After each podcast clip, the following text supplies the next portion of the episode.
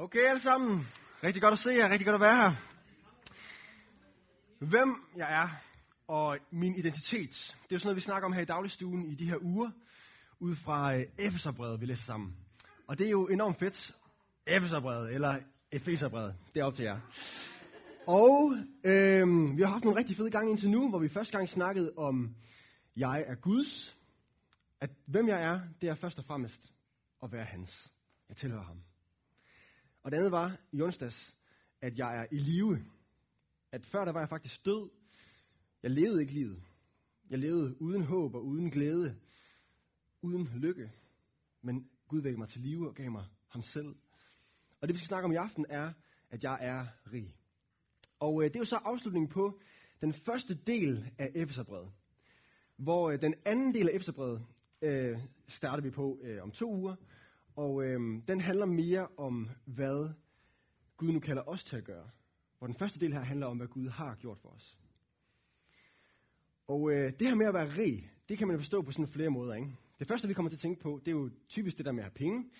Øh, at man har mega mange penge og kan købe lige, hvad man vil. Men vi bruger også det her på flere måder, er det ikke rigtigt? Hvis nu er, at man har øh, en skøn familie og nogle gode venner, så siger man jo det der, ej hvor er jeg rig. Er det ikke rigtigt? Jeg har så meget af værdi i mit liv. Og det er, hvad det betyder at være rig. Det er at have noget af stor værdi. Om det så er mange penge, eller om det er venner, eller familie, eller karriere, eller hvad det er. Og det stiller spørgsmålet. Hvad er det, der har stor værdi i vores liv? Hvad er det, vi ser hen til? Og øh, for lige at få os i gang, så får I et spørgsmål her til at starte med, som I kan stille jeres sidemarker. Og det er, hvad har stor værdi i dit liv? Og øh, til jer, der er kristne, så prøv lige at lade være med bare at svare Jesus, bare for at sige det, okay? Prøv lige at være ærlig over for hinanden. Okay, alle sammen, lad os øh, fortsætte her sammen. Og øh, nu er jeg sikker på, at det har været nogle gode ting, mange af jer har nævnt. Nogle skønne ting, som øh, jeg tror på er gaver for Gud i det her liv. Men problemet er, at nogle af de ting kommer på for stor og for vigtig en plads i vores liv. Øhm, altså, hvad er det, vi søger vores rigdom i? Hvad er det? Er det måske i forhold? Øh, man søger det i øh, en kæreste, en ægtefælle, når jeg får det, så bliver det virkelig godt, så bliver jeg lykkelig. Ikke? Så har jeg rigdom, ikke det rigdom. Men hvad så, når personen svigter en? Skuffer en? Sover en? Det kommer jo før eller siden, det ved vi godt. Øhm, det fører også til, at i 2016, der var det mere end 50 procent, øh, der blev skilt. Der var procenten højere. Øhm, hver, anden, hver andet par blev skilt i Danmark. Det er crazy. Eller hvad er målet? Eller rigdom for os? Hvad er det, vi søger? Er det øh, at have en øh, lækker krop? Øh, at være smuk? Se godt ud? Være stærk? Men hvis vi skal være ærlige, så er der jo altid nogen, der ser bedre ud end os. Ikke? Hvornår er man så tilfreds? Hvornår er nok nok? Det samme spørgsmål kan man sige om penge, hvis det var det, man søgte. Ikke? Man kan altid købe en lækker bil, eller øh, få en bedre udsigt, eller en federe rejse. Hvornår er nok nok? Eller er det helbred? Man har et godt helbred, og man kan holde til meget. Man kan måske øh, dyrke sport og øh, give den gas. Øhm. Men hvad så, når der kommer en skade? Hvad så, når man bliver syg? Eller er det familie? På lang sigt at stifte familie og få børn og have det fedt der. Det er virkelig noget fedt over på mange måder, ikke? Det er jo fantastisk. Her for et par uger siden, der var jeg på Bornholm, hvor jeg sov ved en familie, der havde seks børn. Og det var crazy, men det var også mega fedt, ikke? Der var så meget kærlighed og plads, og jeg fik lov til ligesom at holde den lille 0-årige pige der på et tidspunkt. Og det var mega hyggeligt, ikke? Det kender vi godt. Baby er jo fantastiske. Lige indtil det sådan bliver varmt nede, ikke? Altså, og så begynder at lukke lidt, og, og de begynder sådan at øh, græde, og okay, videre til farmand her, ikke? godt det ikke er min nu. Altså, børn er fantastisk, ikke? Lige indtil de skider på gulvet og putter det op på væggene, og øh, holder en vågen om natten. Ikke? Sådan, der, der er også noget nederen ved det. Ikke? Der er noget hårdt ved det. Er det der, man søger perfekt tilfredsstillelse, så tror jeg også, man bliver skuffet. Selvom det er fantastisk og er en, er en gave. Ikke? Eller er det karriere? Er det kommet længere og længere op på rangstigen? Der er faktisk mange, der har sat et mål for deres liv, når jeg kommer derhen. Wow, så må jeg være lykkelig. Det må være rigtig rigdom, ikke? Det interessante er så bare, at når de bliver stjerner nok, at de når deres mål, så vågner de op morgenen efter, og det går op for dem, hey, jeg er jo stadigvæk bare mig. Og livet er lige så lort, som det var før. Og det gør faktisk, at der er mange, særligt stjerner, der begår selvmord. Øhm, for eksempel her, Robin Williams, for tre år siden, uh, actor was found hanging in his bedroom. Altså han havde virkelig succes, og det kørte virkelig ud af, ikke? Og alligevel var det meningsløst for ham. Der var ikke nogen grund til at fortsætte. Eller Kurt Cobain fra Nirvana i 1994, der skød sig selv. Vi behøver ikke gå så langt tilbage. Vi kan bare gå tilbage til juli, hvor øh, Chester Bennington fra Linkin Park begik selvmord. Ikke? Der er så mange, der gør det her. Mange finansmænd, tv-stjerner, alle mulige kendte, de gør det. Det er ikke det, der er rigtig rigdom. Og det gør faktisk, at øh, en som Jim Carrey, som jeg som kender fra film, han har på et tidspunkt sagt det her. I hope everybody could get rich and famous and will have everything they ever dreamed of. So they will know that it's not the answer. Det er ikke svaret. det siger han. Ikke? Han har så meget succes og så mange penge, men det er ikke svaret, siger han. Nå, men hvad er så svaret? Hvor prøver vi så at finde rigtig lykke og rigdom? Hvad gør en typisk dansker? Når man går til sådan noget som druk.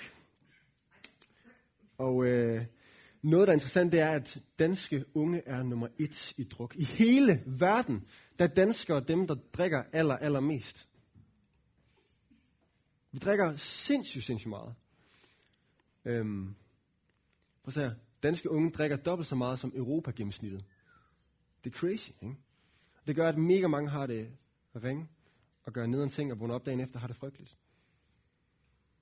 Øhm, og hele den her tilstand gør jo, at der er mange, der er på øh, lykkepiller.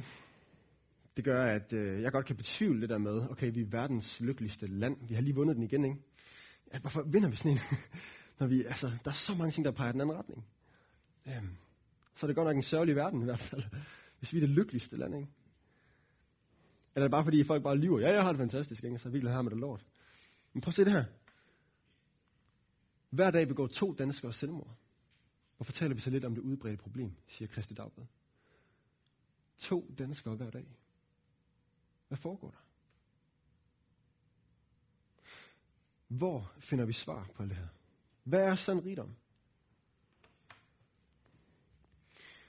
Er der et sted, vi kan finde svar? Finde svar? Ja, det er der. Og derfor skal vi til Gud nu. Derfor skal vi til at læse i Bibelen sammen nu. Og i dag kunne jeg godt tænke mig at prøve noget nyt. Øh, jeg har faktisk aldrig prøvet at øh, opleve det her selv, men jeg har kun hørt, at det skulle være rigtig, rigtig fedt. Øh, at folk har sådan oplevet Gud igennem det. Nemlig når der er en, der sådan reciterer teksten og giver det noget mere liv. For at man ligesom kan se noget mere sådan dybde og blive grebet af det, af teksten selv. Og det er mit motiv for at gøre det i aften, at de må få lov til at se noget mere af den her skønhed, der er i den her mega vidunderlige tekst, vi skal læse i aften, nemlig fra Efeserbrevet kapitel 3. Så øh, lidt godt efter, kig på mig, og øh, lad ordene synge ind. Derfor bøjer jeg mine knæ. Jeg, Paulus, Jesu Kristi fange, for jeg hedningers skyld. Så sandt jeg har hørt om det værv, Gud har givet mig med henblik på jer. Ved en åbenbaring blev hemmeligheden gjort kendt for mig, sådan som jeg kort skrev om det før. Når I læser det, kan I se, at jeg har fået indsigt i Kristus hemmeligheden. I tidligere slægtled blev den ikke gjort kendt for menneskens børn, sådan som den nu er blevet åbenbaret for hans hellige apostle og profeter ved ånden. At hedningerne er medarvinger og med indlemmet på læmet og har medandel i løftet i Kristus Jesus.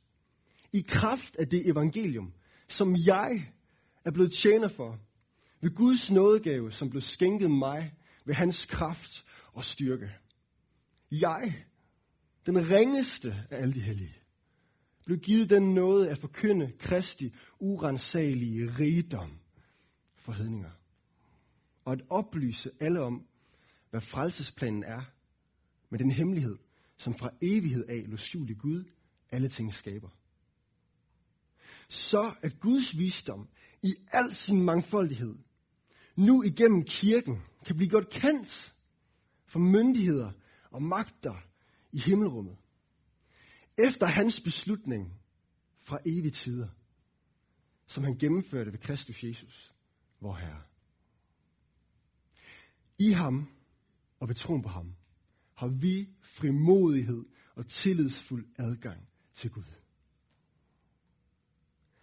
Derfor beder jeg om, at I ikke taber modet over mine trængsler for jeres skyld. Din ære for jer. Derfor bøjer jeg min knæ. For faderen, efter hvem hvert fædrene hus, hver familie i himlene og på jorden har navn. Og beder om, at han i sin herligheds rigdom med kraft vil give jer at styrkes i det indre menneske ved ånden.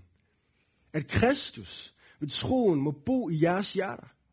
Og I være rodfæstet og grundfæstet i kærlighed. Så de sammen med alle de hellige får styrke til at fatte, hvor overvældende stor bredden og længden og højden og dybden er. Og til at kende Kristi kærlighed, som overgår al erkendelse. Så I fyldes til hele Guds fylde nås. Ham, som formår med sin kraft, der virker i os, at gøre langt ud over alt, hvad vi beder om eller forstår. Ham være ære i kirken og i Kristus Jesus, i alle slægtled, i evighedernes evighed. Amen. Lad os bede sammen. Jesus, vi priser dig for det her budskab. Vi priser dig for, at vi får lov til at være sammen med dig. Vi takker dig for, at du er her lige nu i aften, og nu beder vi dig for, at du må komme og tale til os igennem dit ord, Jesus. Amen. Godt, nu skal vi gå ned i teksten sammen og gå den igennem. Og Paulus han har tre stykker i øh, det her kapitel, vi skal læse sammen.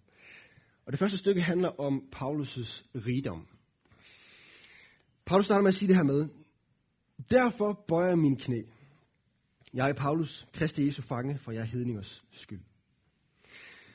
Efter alt det her, han har beskrevet indtil videre i det her brev, som vi jo øh, har læst her i dagligstuen og i vores cellegrupper, og jeg håber også, at I læser det sådan hver især for, for jer selv, øh, så har han jo beskrevet det her med, at Gud har haft en plan om at redde os, og han har gjort det.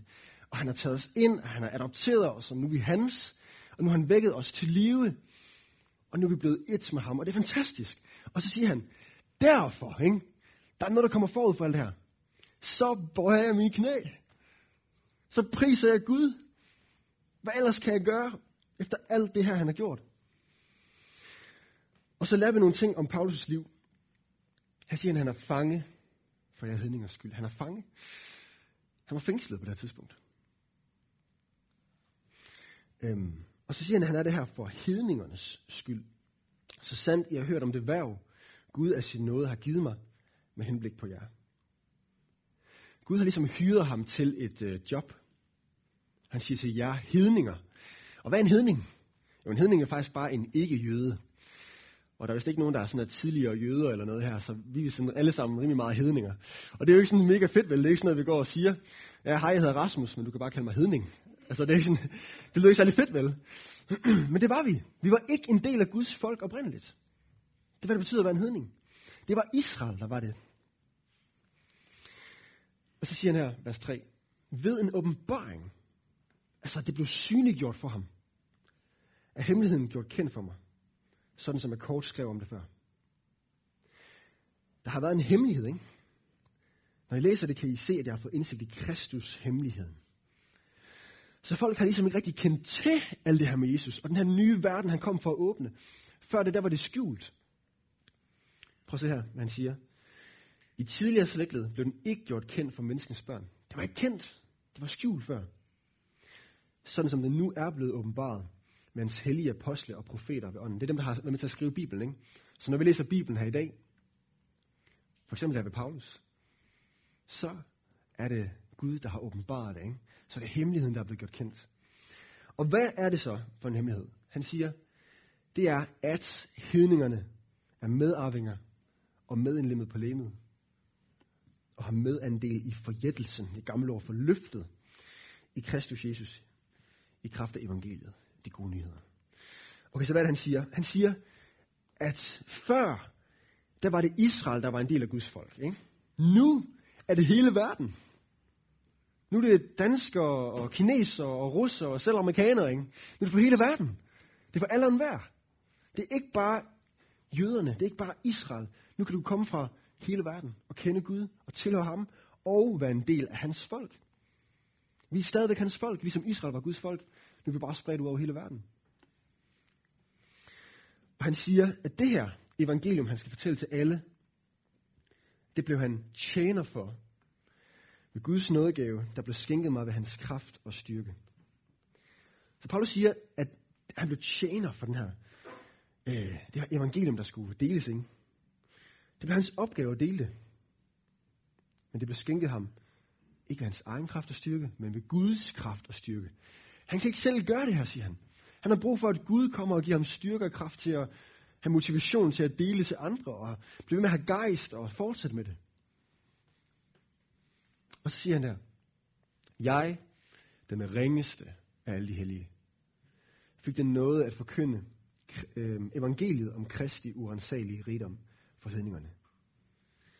Han siger, jeg er ringe, jeg har ingenting, men jeg har fået rigdommen, som jeg fortæller videre. Ikke? Jeg er den usleste. Jeg er ingenting, siger Paulus. På et tidspunkt så har Paulus en liste, hvor han fortæller om alle de ting, han ligesom har opnået med sit liv. Øh, det kørte for ham med karriere, og øh, ting lykkedes virkelig for ham. Han var fra den rigtige familie, og alle sådan nogle ting. Og så siger han, men nu regner jeg det hele for skarn. Og det er sådan en rigtig fin oversættelse. Det der ord skarn, øh, oprindeligt på græsk skybalag, det betyder bare lort. Han siger, jeg regner det hele for lort. Det er ingenting. Alt det, jeg havde, er ingenting i sammenligning med, hvad jeg har nu. Før der var jeg i virkeligheden fattig. Før var jeg ringe. Alt det, jeg troede, der var rigdom i mit liv, det var faktisk ikke rigdom. Nu har jeg set, hvad rigtig rigdom er. Og det er hos Kristus. Kristi urensagelige rigdom. Jeg kan aldrig rense det. Jeg kan aldrig komme til bund i det, vel? Det er så vildt. Så alle de gamle ting, som vi nogle gange kan putte ind på førstepladsen, og være det, som vi søger og jager efter, når vi sætter det på Guds plads, så bliver det en dårlig ting. Og det kan godt være, det er gode ting, ikke? Men når en god ting bliver til en gud ting, så bliver det til en ond ting. Og øh, det her ord rigdom, det bruger Paulus øh, 15 gange i løbet af sin breve. To gange i det her kapitel. Og det interessante er, at alle 15 gange, det handler det om Jesus. Ingen andre gange, der er det om noget rigdom i den her verden. Rigdom for Paulus, det er kun noget, man kan finde i Jesus. Okay, så skal vi så til at stille spørgsmålet. Hvad er det så for en rigdom? Vi kan ikke bare sige, når vi har Jesus, så er man rig. Punktum. Hvad betyder det? Men før vi gør det, så får jeg lige et spørgsmål. Og det er ganske simpelt det her. Hvad har vi hørt indtil nu? Prøv at spørge din sidemarker, og så fortæl, hvad du kan huske. Okay. Lad os fortsætte sammen nu. Så nu har vi set, at Paulus siger, at hans rigdom ikke findes i alle de andre ting, men hans rigdom findes i at have Jesus. Og nu spørger vi så, okay, men hvad er det for en rigdom? Hvordan kan han sige det, og hvordan hænger det sammen? Og øh, nu læser vi videre med Paulus. Øhm, og han er ved at sige, hvad det er, han skal, den her tjeneste, han har fået. Vers 9. Han skal oplyse alle om, hvad frelsesplanen er med den hemmelighed, som fra evighed af lå skjult i Gud alle ting skaber. Man skal godt nok holde tungen lige i munden nogle gange. Er det rigtigt? Sådan nogle kludrede formuleringer, føler man. Og faktisk så hele, mange af de her stykker, der er slet ikke punktum og sådan noget, der har de oversætterne været sådan rigtig flinke ved os. Så det har virkelig været knøvlet at læse Paulus nogle gange. Okay, hvad er det, han siger? Han siger, han skal oplyse, eller om han skal oplyse, han skal, han skal gøre det tydeligt for folk, hvad frelsesplanen er. Der har været en frelsesplan. Gud har haft en plan. Altid. Det den siger. Med den hemmelighed, som fra evighed af lå skjult i Gud. Og hvem er det Gud er? Han er alle ting skaber. Så ham her, der har skabt himlen og jorden, og hele universet. Før han gjorde det, der havde han en plan om dig og mig. Og han havde en plan om, at han ville redde os. Er det ikke vildt? Det er jo crazy. Og hvorfor gjorde han det? Øhm, det gjorde han så, lad os her, at Guds visdom i al sin mangfoldighed, nu gennem kirken, kan blive godt kendt for myndigheder og magter i himmelrummet. Det gjorde han så, at Guds visdom, at ham der er vis, ham der har alt, at det må blive gjort kendt for alt og alle. Selv i himmelrummet, ikke? selv øh, engle, åndemagter. At alle må kende Gud og forstå, at han er vis, og der er ingen er som ham. Så at han må få at lære. Og vers 11 her. Alt her det gjorde han efter hans beslutning fra evige tider. Da det så før, han besluttede det for lang, lang tid siden. For, for evighed siden. Det er sådan mindblowing at tænke på. Øh, der var ikke noget tidspunkt. Gud er Gud. Han er uden for tid. Som han så gennemførte ved Kristus Jesus, vor Herre. Den her plan, den gennemførte han ved at sende sin søn, som levede det her liv, vi burde have levet, og tog den straf, vi burde have haft. For at vi kunne få det liv, han havde, nemlig livet sammen med Gud. Okay, og nu kommer det så. Hvad går det her ud på? Hvad skal det hele til for? Hvad er Paulus' rigdom egentlig? Så siger han i vers 12, øh, vers 12 her. I ham, og ved troen på ham, altså Jesus, har vi frimodighed og tillidsfuld adgang til Gud. Og venner, det her, det er mindblowing. Vi har adgang til Gud. Vi kan være sammen med Gud. Ham, som er jordens skaber, ham, som er evig, ham vil jeg have hørt om, ikke? der har haft den her plan fra begyndelsen af, der sendte Jesus for at redde os alt det her. Ham kan vi være sammen med. Han en relation med. Ham har vi adgang til. Han er glæden. Han er livet. Han er lykken. Han er håbet. Han er alt det, vi længes efter. Og ham kan vi få. Wow. Det er da fantastisk. Så farvel til selvmordstanker. Og farvel til druktur. Og farvel til meningsløshed. Og farvel til falsk rigdom, der aldrig tilfredsstiller alligevel. Når jeg har Gud, så har jeg alt. Så har jeg alt, siger han. Og venner, det her det er noget af det mest vidunderlige, vi overhovedet kan vide om Gud, at han ønsker faktisk at være sammen med os. Han er ikke ligeglad med os.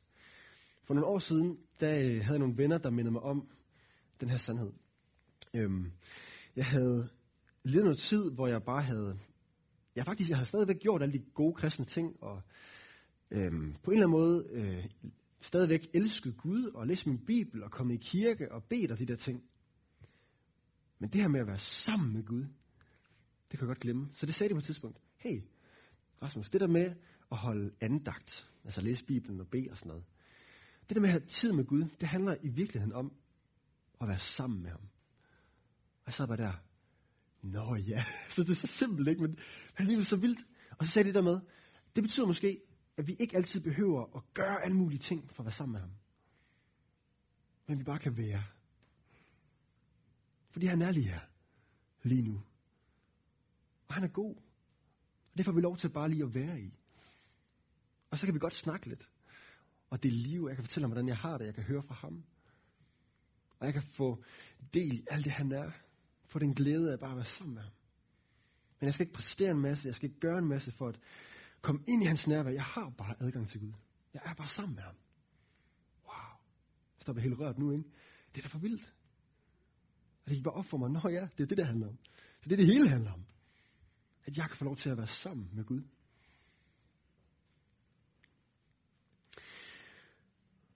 Øhm, og han er nær.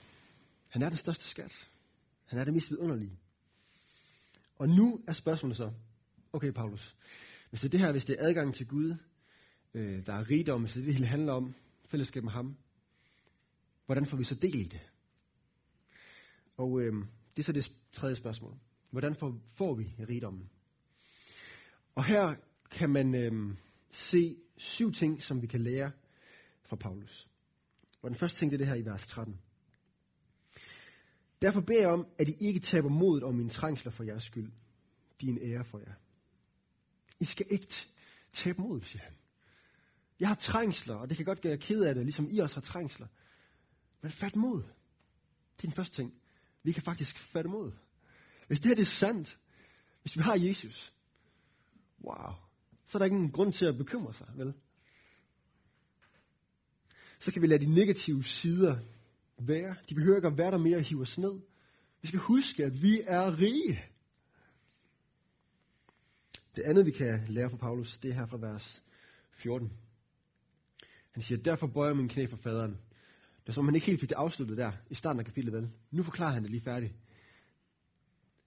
Derfor bøjer jeg min knæ for faderen. Efter hvem hvert fædrene hus, altså sådan en familie, i himlene og på jorden har navn. Så hvad gør Paulus? Han kommer til Gud, og han knæler. Han søger Gud.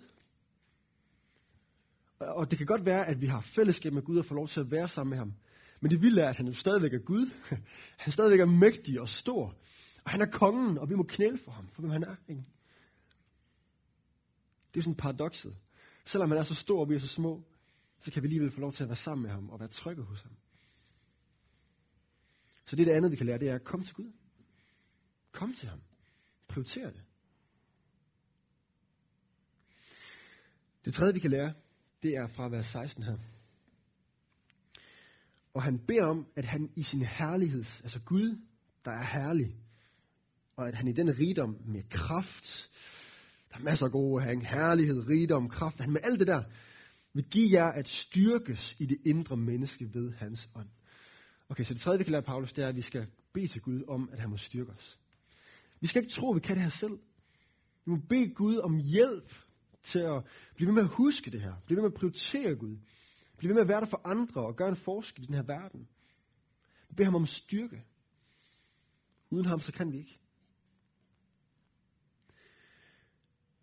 Og en fjerde ting, vi kan lære her fra vers 17. At Kristus ved troen må bo i jeres hjerter. At Jesus må bo i jer. Ikke bare, at man kender til ham og er lidt ven med ham og sådan noget, men at han flytter helt ind i vores liv. Helt ind. Også ind i de grimme sider af vores liv. Ikke? At han får lov til at få al plads. At vi lægger det hele frem for ham. Selv det vi skammer os over. At han får lov til faktisk også at få den del af vores liv. Og en femte ting, det er, at han siger, at I skal være rodfæstet og grundfæstet i kærlighed. Det beder han for. Rodfæstet, ikke? at man har rødderne helt ned i kærlighed. Det er der, man øh, får alt sit vand fra, så man kan være et træ, der vokser. Det er det billede, han bruger. Ikke? Være rodfæstet. Og grundfæstet. Han blander rigtig meget billederne. Altså et fundament, man må stå fast på. Kærlighed. At kærlighed er det, det hele bygger på. At jeg elsker Gud, som har elsket mig. Og at jeg elsker andre mennesker. Og at jeg kan slippe på al bitterhed og elsker andre i stedet. Og er god mod andre.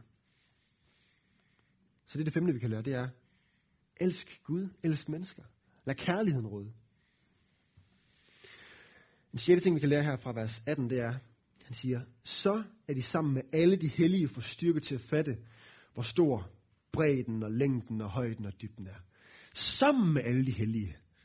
Det her ord, de hellige, det er faktisk et, der, sådan, det, det, der kan oversættes sankt.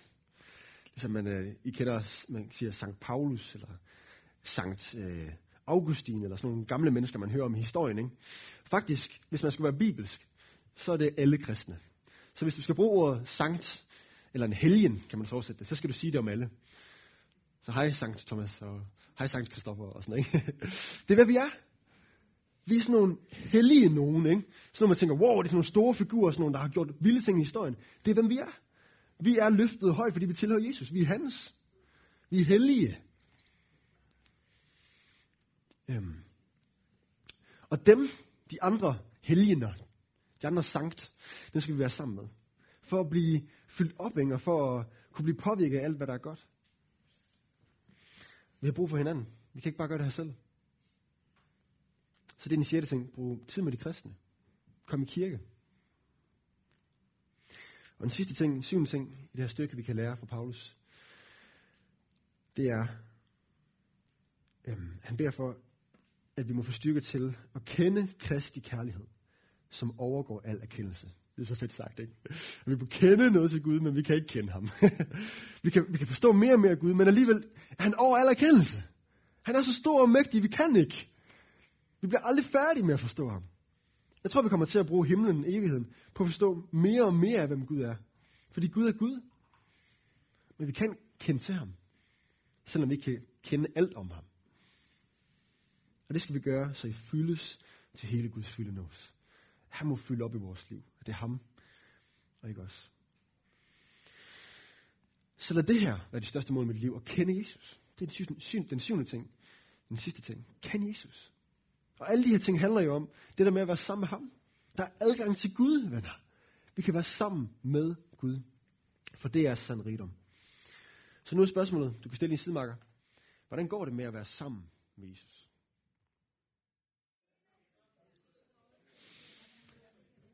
Okay, lad os øh, fortsætte her. Øhm, nu har vi set det her med, for Paulus så siger han, jeg har rigdom. Og det er at være sammen med Gud, ham der har elsket mig så meget, ham der har givet mig al glæde og lykke. Ham, der har givet sig selv for mig. Det er at have rigtig rigdom. Ikke? Og så øhm, synes jeg, at Ghost Ship her, det er et band, der har en sang, der hedder Adoption. De beskriver det sådan rigtig godt. Det er et øh, tema, de har i den her sang omkring adoption, at øh, man er blevet adopteret af Gud ind i familien. Og det handler ligesom om det her med, at man forstår mere og mere rigdommen, der er ved Gud. Det er ikke sikkert, at vi lige fattede, at det var så vildt i starten. De siger det sådan her. You adopted us, and you made us your own. You adopted us, and you gave us a home. Og så siger de, When I met you, I didn't know you had money. I didn't know you were a king. I was too young to know you were a rich man. I just knew you loved me. Oh, I knew you loved me. Er det ikke smukt? Det er måske sådan, mange af os har oplevet det, ikke? Vi møder Gud. Vi ser, her er der en, der elsker mig, som ingen nogensinde har elsket mig. Her er der en kærlighed, som jeg aldrig har mødt det før. Jeg må sige ja til det her. Og man træder ind, og hvad opdager man? Wow, hvor er der meget i det her. Han er jo mega rig, ikke? Han har alt. Han giver mig alt det, jeg har længtes efter i hele mit liv. Han giver mig lykke og glæde og alt. Det er, hvem han er. Og det gør, at vi er nødt til at slutte med at prisbyde, ligesom Paulus gør i slutningen af det her kapitel, og i slutningen af den første del. Med sådan en lovsang her, i de sidste to vers. Ham, som formår med sin kraft, der virker i os, at gøre langt ud over alt, hvad vi beder om eller forstår. Det er, hvem han er. Han kan gøre alt, langt ud over alt, hvad vi beder om. Mere end vi forstår. Det er, hvem han er. Ham vær ære i kirken hos os. Han skal æres her hos os. Og i Kristus Jesus, i alt, hvad han har gjort igennem ham. I alle slægtled. Det har man prist ham for i tusindvis af år, ikke? og det skal han, hvad siger han, i evighedernes evighed. Amen. Og hvad betyder amen? Det betyder ja, det passer, jeg er enig, ja. Kan vi sige amen til det her? Amen. Det er for fedt. Det er, hvem han er. Der er ingen som ham. Det her, det er fuldstændig mindblowing. Tænk engang. Jeg er rig. Jeg har Jesus. Og jeg ved, at jeg skal have ham i en evighed. Og jeg ved godt, at nu er det på sådan en lidt speciel måde, ikke? fordi det kan godt være, at jeg ikke altid øh, føler en hel masse, eller kan se ham. Men jeg ved, at han er her. Og jeg kan få lov til at være sammen med ham på en måde nu. Og snart, og meget snart, der skal jeg se ham ansigt til ansigt. Og der skal han omfavne mig. Og der skal jeg være den rigeste på jord. Og der vil jeg vide, oh, han har været det hele værd, og der er ingen som ham. Og det her har jeg nu, og det er der ingen, der kan tage fra mig. Det her håb, den her glæde. Jeg har den største skat. Jeg har mere end nok. Jeg har alt. Jeg er rig. Skal vi bede sammen? Jesus, vi takker dig for, at vi får lov til at tilhøre dig. Og vi takker dig for, at din rigdom, den holdt du ikke bare for dig selv. Men du valgte at komme, og du valgte at dele den med os. Du valgte os at give det, vi i virkeligheden længes efter. Vi længes efter dig. Men vi prøver at finde vores rigdom i alt muligt andet. Finde vores tilfredsstillelse og lykke i alt muligt andet. Tilgiv os, Jesus. Tak, at du har vist os, at det er dig. Og der ikke er nogen som dig. Og det Paulus oplevede med, at det gamle er lort, og det nye med dig, Jesus, det er rigtig rigdom. Lad os opleve det samme, Jesus. Og lad os se mere og mere af, hvem du er, og hvad du har for os. Ja. Øhm, og så har jeg bare lyst til at sige til jer, der måske er sådan lidt, hey, det her, det har jeg faktisk lyst til at tage, tage del i. Det tror jeg faktisk, jeg skal det her. Jeg tror faktisk, jeg skal begynde at tage nogle skridt hen imod Jesus. Så prøv bare lige at blive med på den her bøn. Vi beder sammen nu. Jesus, vi ønsker at lade det gamle være, og vi ønsker at følge dig. Jesus, vi ønsker at tage imod, og vi ønsker at glæde os over, hvem du er. Og det kan godt være, at vi ikke helt forstår alt ved dig lige nu. Men vi er klar på at gå med dig og se, hvad du har for os. Hvor end du tager os hen. Jesus, vi lukker dig ind. Kom ind og bo i vores hjerte, som Paulus sagde. Ja, i Jesu navn.